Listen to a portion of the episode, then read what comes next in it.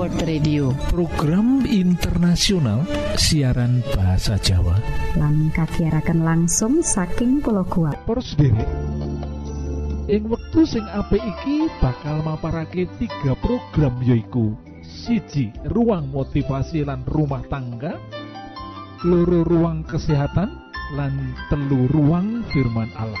Kita pracojok program iki bakal jadi manfaat jadi berkah kagem kita kabeh Para sederek, monggo, monggo. Sugeng mirengaken program pertama inggih menika Ruang Motivasi.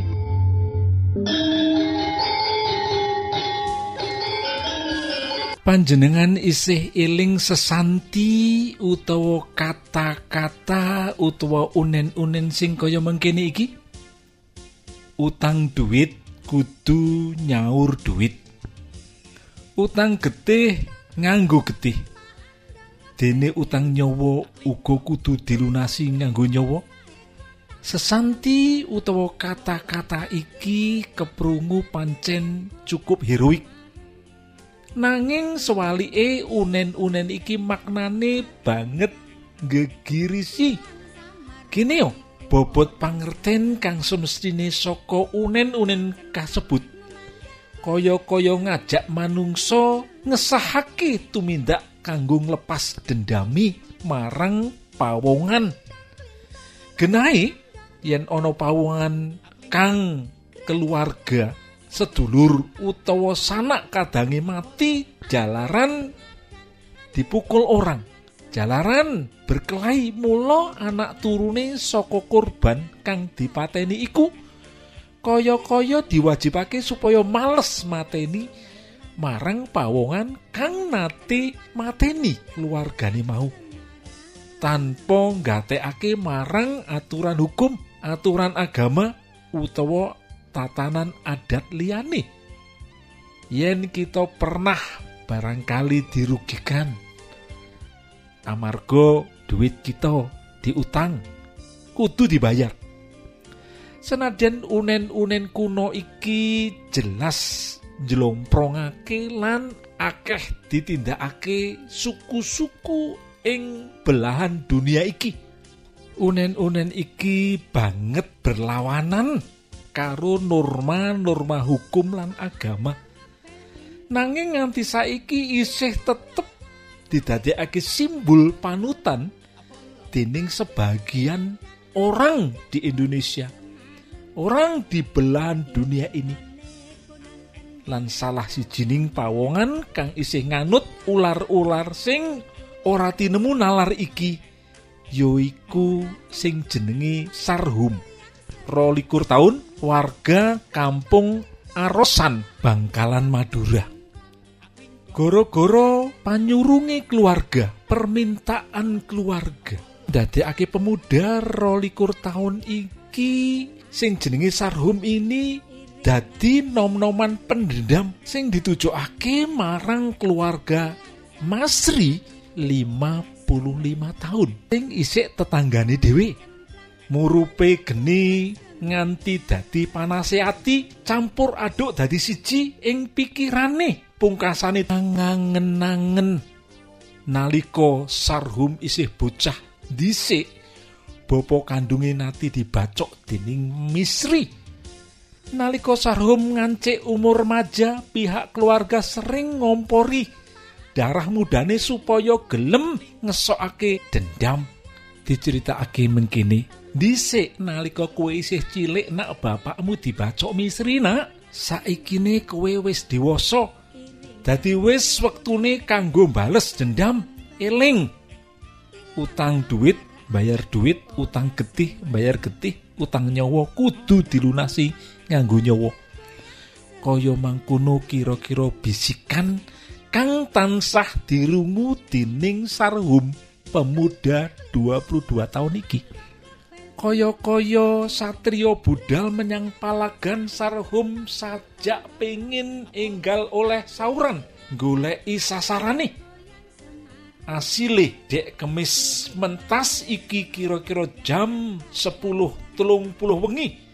Sahum mripate butek banjur tumindak kalap. Kanthi nggawa parang dheweke ngalap patine Misri saking gedene rasa dendame anggone ngesokake dendame ditindakake kanthi wengis lan tanpa welas asih. Bisa digambari kaya ngopo dendame Sarhum? Bisa katitik saka anggone merjaya mungsuhe pawongan sepuh kang lagi nindakake ibadah. Ing tempat ibadat dibacok nganti sengkarat cerak cerak cerak parang ikun rajang balung tuwa kang wis ora kuwawa apa-apa. Wong lanang sing lagi kusuk manembah marang Gusti Allah iku ambruk kanthi gobres getih. Sirai pecah lan gulune meh pedhot. Kapol sekokop Ibtu Sutowo nalika dampingi Kapolres Bangkalan AKBP DRS Erwin Asar Sirigar SH marang PS Delentrehake yen wektu kedadian iku pihak keluarga korban keprungu ana swara umyet ing jero rumah ibadah iku langsung melayu metu ngomah. Sepiro kageti katon kurban geletak ing tempat ibadah iku peti lan adus getih Deleng kedadian kang banget gegirisiku keluarga korban bengok-bengok sakayangi sekuatnya. Nganti warga kampung podo moro teko menyang panggonan kedadian utawa TKP sawise kelakon nindakake Rajapati Sarhum sakala geblas tanpa tilas. Asil saka laporan warga petugas Kapolsek kang dipimpin Ibtu Sutowo gegancangan lan belancang menyang tempat kejadian perkara utawa TKP ora let Sujono iku dadi ditangkep petugas ing omai tanpa nglawan. Miturut pengakuan Sarhum satemene dheweke iku wis merencanakan kedadian ngalapati kang dialami bapake sawetara tahun kepungkur senajan orang nganti mati Saka urayan iki bisa kita dudut menawa unen-unen kuno pranyata isih bisa dadi pecute warga nindakake dendam kanthi melanggar hukum. Peristiwa dendam kaya ngene iki sering kita iso temokake ana ing media-media sosial. Kejadian ana ing Pulau Sulawesi, ana ing Pulau Jawa, ana ing Pulau Sumatera, ana ing luar negeri sering kali kita iso temui. Amarga mung kadereng unen-unen kuno sing nuwuhake ciloko iku. Isa Almasih atau Yesus Kristus pernah ngendika kecatat ana ing Matius 5 ayat 44. Akan tetapi aku berkata kepadamu, kasihilah musuhmu dan berdoalah bagi mereka. Ing basa Jawa, nanging saiki kowe dak kandhani padha tresno marang musuhmu lan wong sing nganiaya kowe padha dongakno. Nasihat sing luar biasa to.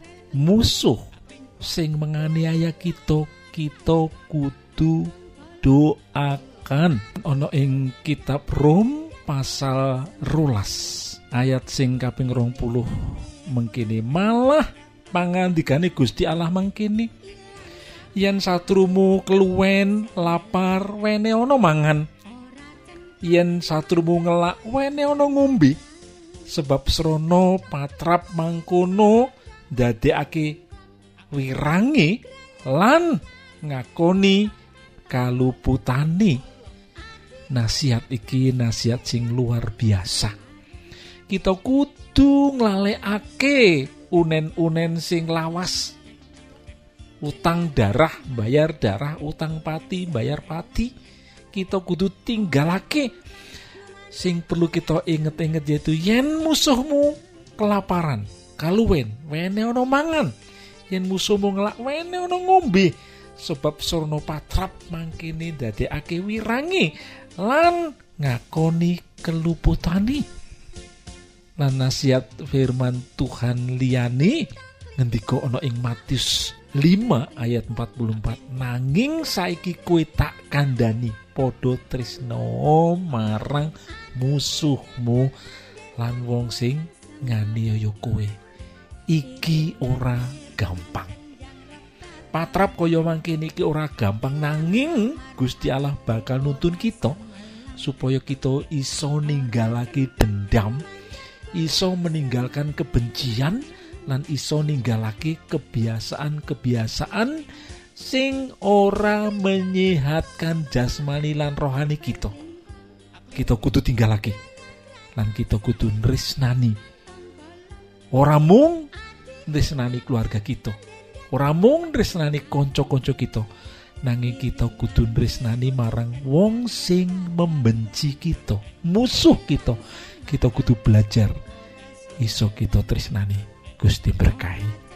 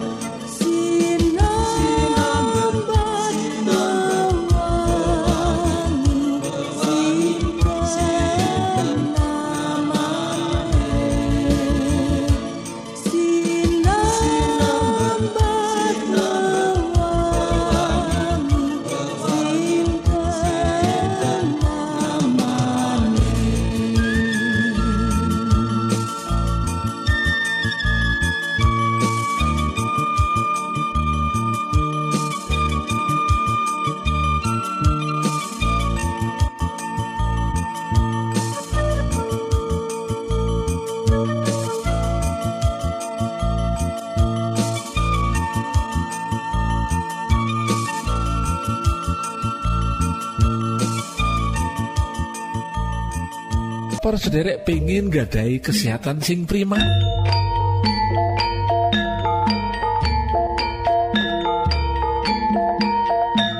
Niki lo nasihat sing tapi tapi mekaten kesehatan iku larang regane sing perlu dijogo. Kesehatan iku modal kita kanggo gayu sakabehing cita-cita.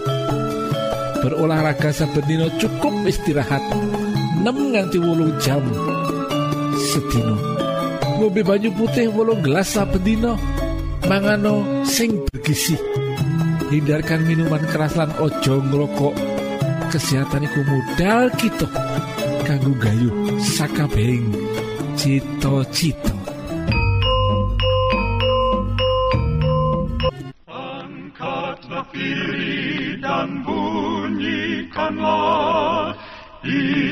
mau datang lagi Nyanyi musafir dan pujikanlah Isa mau datang lagi EWA utawa AWR Adventist World Radio.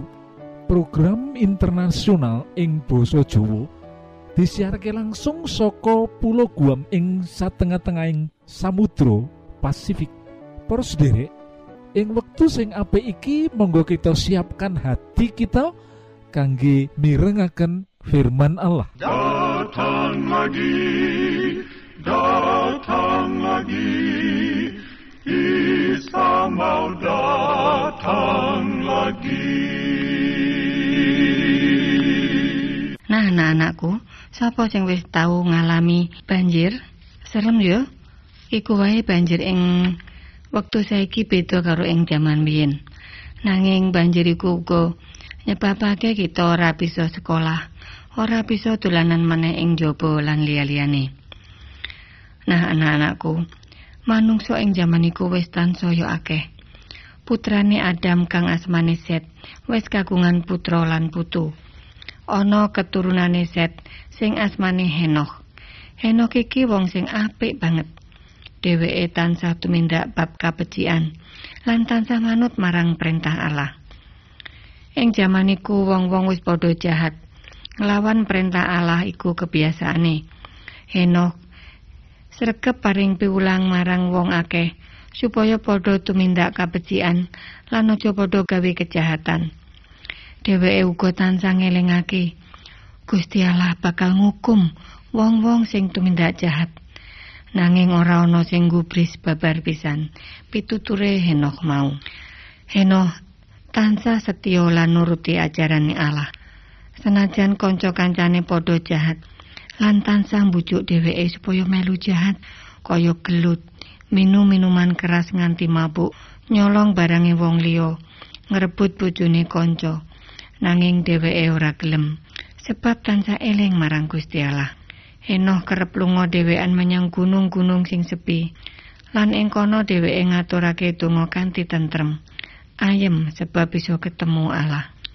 Ing sawijining dina, nalika Henok lagi paring piwulang bab kabecikan marang wong-wong jahat ing kono, ujug-ujug pasuryane dadi padang mencorong. Iku pratandha kamulyane Allah. Lan alon-alon Henok wiwit keangkat mendhuwur. Terus luwih dhuwur lan tambah dhuwur. Dheweke diangkat Allah mendhuwur lan akhire ketutupan mega banjur ora katon. Anak-anakku, Henok diangkat Allah menyang swarga. Sebab Henok iku pancen wong kang apik, wong suci, lan wong sing ngasihi Allah. Henok iku keturunane Adam sing kepitu. Henok kagungan putra asmane Metusalah. Umure paling dawa ing antara wong-wong wektu iku. yaiku sangang atus widak songo taun. Wah wah, tuwa banget ya. Metu salah kiki kagungan putra asmane Lamek. Wong-wong ing jaman iku wis tansaya munda akeh. Nanging mung sedidik sing gelem ngabekti marang Gusti Allah. Akeh wong sing ora gelem percaya marang Allah. Ana siji putrane Lamek, asmane Nuh. Nuh iki wong sing bener lan apik. Gusti Allah ngutus Nuh kanggo ngajarake bab kabecikan. Sebab wong-wong wektu iku uripe wis jahat banget. Gusti Allah paring pangandika yen padha ora gelem mertobat, mula arep dibinasakake dening banjir sing gedhe banget. Anak-anakku, saben dina Nuh paring piwulang bab kabecikan. saka kampung siji menyang kampung liyane. Senajan panas lan udan, nanging ora tau saya. Dheweke tansah kelingan wong-wong akeh iku supaya nganti aja nganti dipinasakake dening Gusti Allah. Nanging wong-wong ora ana sing percaya marang ajarane Nuh. Malah padha ngeguyu. Nuh iku kagungan putra lanang telu, yaiku Yafet, Sem lan Ham. Wiwit cilik wis diparingi piwulang supaya tansah tumindak kabecikan. Nurut lan ngabekti marang ngarsaning Gusti Allah. Ing wektu Gusti Allah paring dawuh marang Nuh lan putra-putrane supaya nggawe kapal prau kang gedhe manut ukuran kang wis ditemtokake.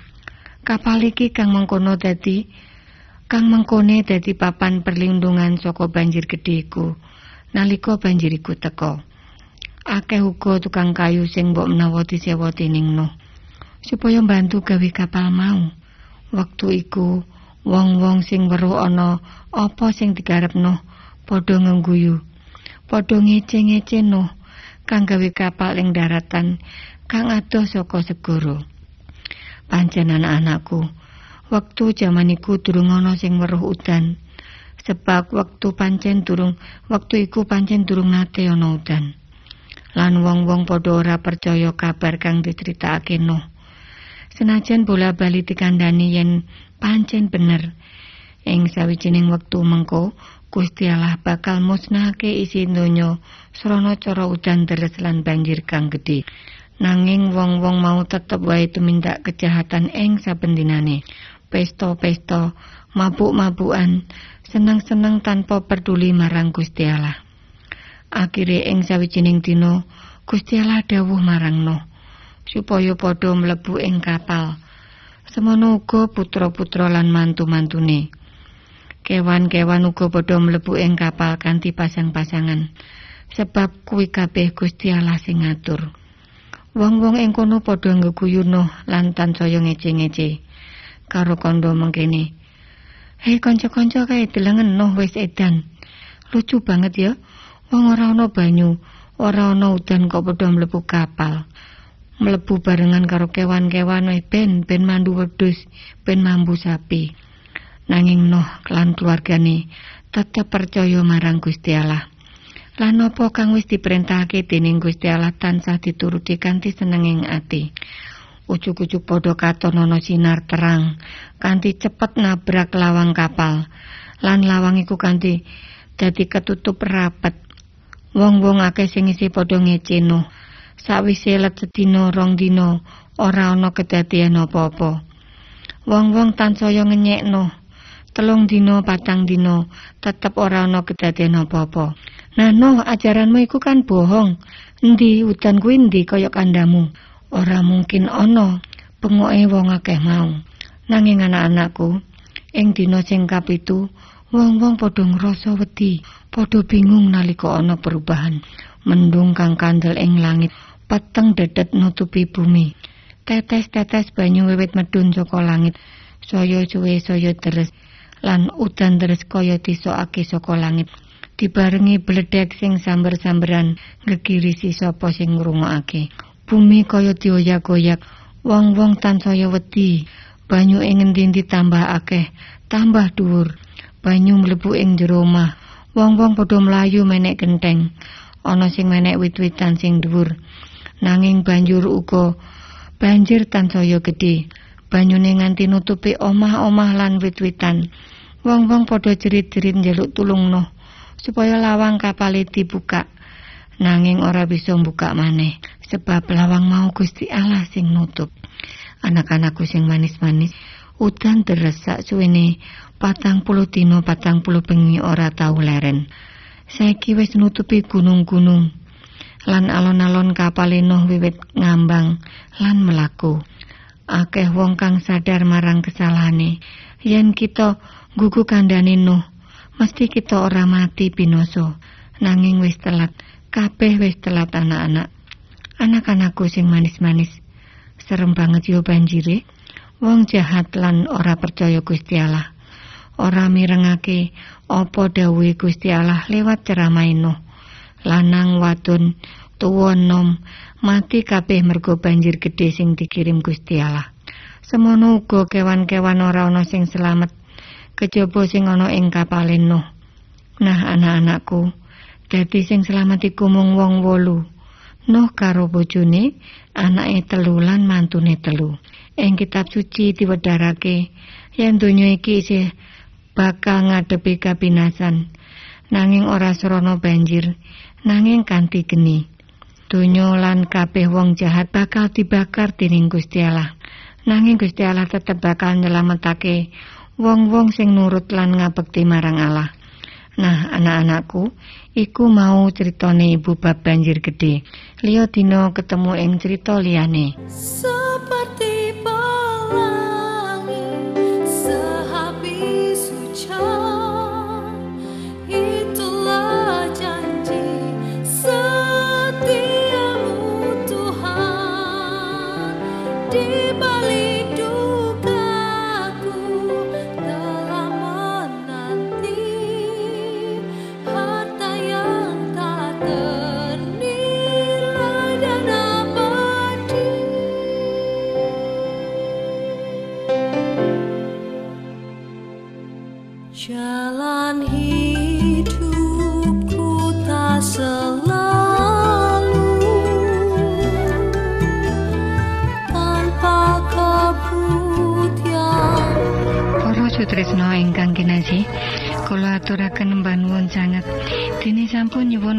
kawigatosan panjenengan sedaya.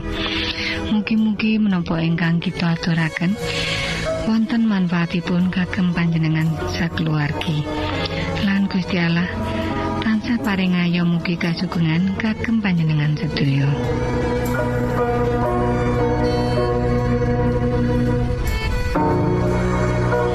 Kita ingkang tugas jagi wonten studio nyuwun pamit badhe mundur.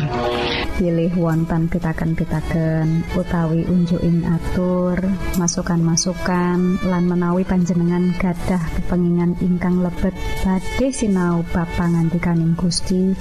Lumantar kursus Alkitab tertulis monggo. Advent Suara Pengharapan PO Box 80 Jakarta setunggal kali wolu setunggal 0 Indonesia panjenengan saged mlebet jejaring sosial kawulo inggih menika Facebook pendengar radio Advent Suara Pengharapan utawi radio Advent Suara Pengharapan Saran-saran pitaken ugi tanggapan panjenengan tansah kawula tenggo. Lan saking studio kula ngaturaken bumi panuwun.